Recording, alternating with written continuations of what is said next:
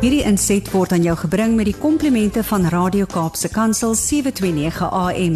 Besoek ons gerus by www.cape pulpit.co.za.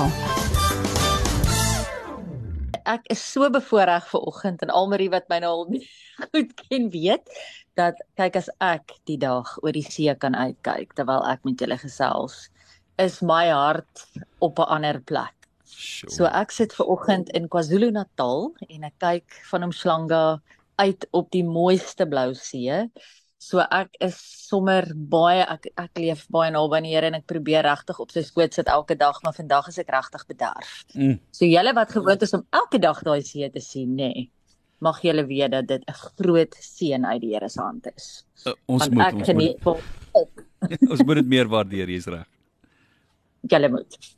Vanoggend wil ek met julle my hart deel. Soos ek hierdie week sit en ja, oor die blou see kyk en my voete diep in die sand inskop en net weer in diepe afhanklikheid van ons Pa, die skepper van dit alles.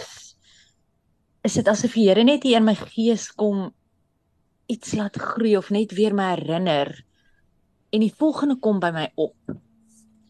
It's not about our contribution to this world that matters the most. But sometimes it's about who we raise. Mm. Weer sê? It's not about our contribution to this world that matters most. But sometimes it's who we raise. Weet jy, soos wat ek sit en ek wandel en ek wonder, sê ek vir die Here, ek ek wonder as koning Dawid se ma geweet het dat hy die grootste koning gaan wees wat hierdie aarde nog ooit gesien het. Of hom anders groot sou maak. Mm. Ek wonder soms as Nelson Mandela se mamma geweet het wie hy eendag gaan word. Of sy anders na hom sou kyk. My uitdaging as ouer vandag en jou uitdaging en miskien as grootouer is om in ons kinders se oë te kyk en te wonder en te bid oor wie en wat die Here hulle maak voor en waarvoor hy hulle geroep het. En dan soms wanneer ons by God inhak en sê Here maar wat moet ek? Wie is hierdie kind? Dan verander dit ons prerogatief oor ouerskap. Iemand skryf dit so mooi. Hulle sê the moment you begin to actively discover the amazing personhood of your child, parenting starts to feel like less of a burden and more of an adventure. Sure. Ek wil vandag vir jou uitdaag as mamma of pappa of ouma of oupa. Of dalk het jy vandag nog nie 'n kind nie, maar jy gaan.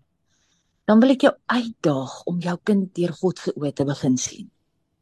Dit wat die Here in hom ingeplant het, in hom ingeroep het, oor hom uitgespreek het, hom of haar.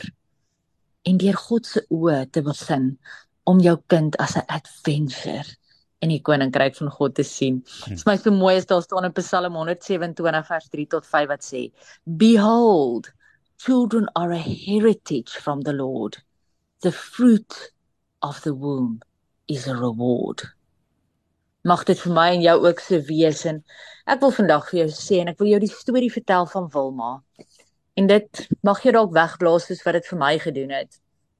Om net te sê dat hierdie mamma iets verstaan het dat God haar gebede gehoor het. Jy sien want jy mag dalk 'n ouer hierso wees vandag op die lig wat 'n 40-jarige kind het en wat nog steeds vir hom of haar bid dat God se roeping oor hulle oor hulle lewe realiteit sal word. Ek wil jou vandag bemoedig om aan te hou bid. Jy sien die Here gaan nie jou gebede net los nie. Hy sê my en jou gebede is soos wierook wat opstyg en dan vang hy dit in 'n goue pot. En as hy dit verhoor dan dan giet hy dit uit op die aarde. Ek wil vir jou smeek om God se wil oor jou kind, maak nie saak hoe oud hulle is vandag, se lewe te bly bid, te bly vertrou. Want God hoor jou. Hy eer jou en ouerskap is seker die grootste calling wat ek en jy kan hê. I want to tell you the story of Wilma this morning. May it inspire you, may it redirect you, may it encourage you, may it just bring God's vision into your life and reignite it this morning again.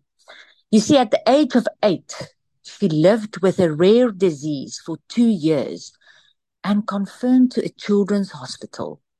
During this time, Wilma became a ward of the state and was not with her family who lived in severe poverty. Dan jy dink om 2 jaar van jou lewe alleen in 'n hospitaal te wees. When she left the hospital after 2 years at the age of 10, she helped to take care of her family during the Great Depression. One way she worked was picking cotton. Life could have become easier when she met her husband, for she married at 16, but then soon after was abandoned. She was alone once again, but this time with three little boys. Her son writes? Mom has been an example of perseverance and faith her whole life. She then endured the death of two of her husbands, a stepson, two grandchildren, and her beloved son in the Vietnam War. She had cancer repeatedly. Ek wil dit weer sê, she had cancer repeatedly and has gone through roughly 30 different surgeries for a host of issues. Yet she is still here to tell her story. She is known as a woman of prayer, deep faith, ever bringing her children and grandchildren before God's throne. Her son writes, When I was born, I almost died of complications. I nearly lost my soul to Hollywood decades ago. But my mom was back home praying for me, praying for my success and for my salvation. She even prayed for me to find a godly wife, which I did. He says, I am overwhelmed with gratitude towards God for these two incredible women who influences my life daily. His mom turned a hundred this year, and he is none other than Chuck Norris. Ek wil vandag vir jou sê, jy weet nie wie jou kind en wat die Here oor daai kind uitroep nie. Maar mag ek en jy as ouers, mag mammas en pappas op die knieë wees en net 'n net so 'n klein bietjie by God gaan sit en sê Here wys my wie U my mee te vertrou om te gaan doen wat hulle, hy of sy moet gaan doen. Mag dit jou bless vir oggend. Mag dit jou net so bemoedig dat hierdie vrou deur al hierdie dinge gegaan het en hierdie jare 100 jaar oud geword het. Mag dit waar wees dat God vir my en jou ook 'n lang lewe het. En mag ons ons kinders vandag net so bietjie anders sien. Soos wat God hulle sien en droom ook oor hulle lewens. Amen.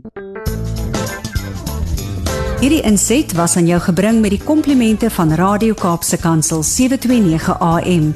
Besoek ons gerus by www.cape pulpit.co.za.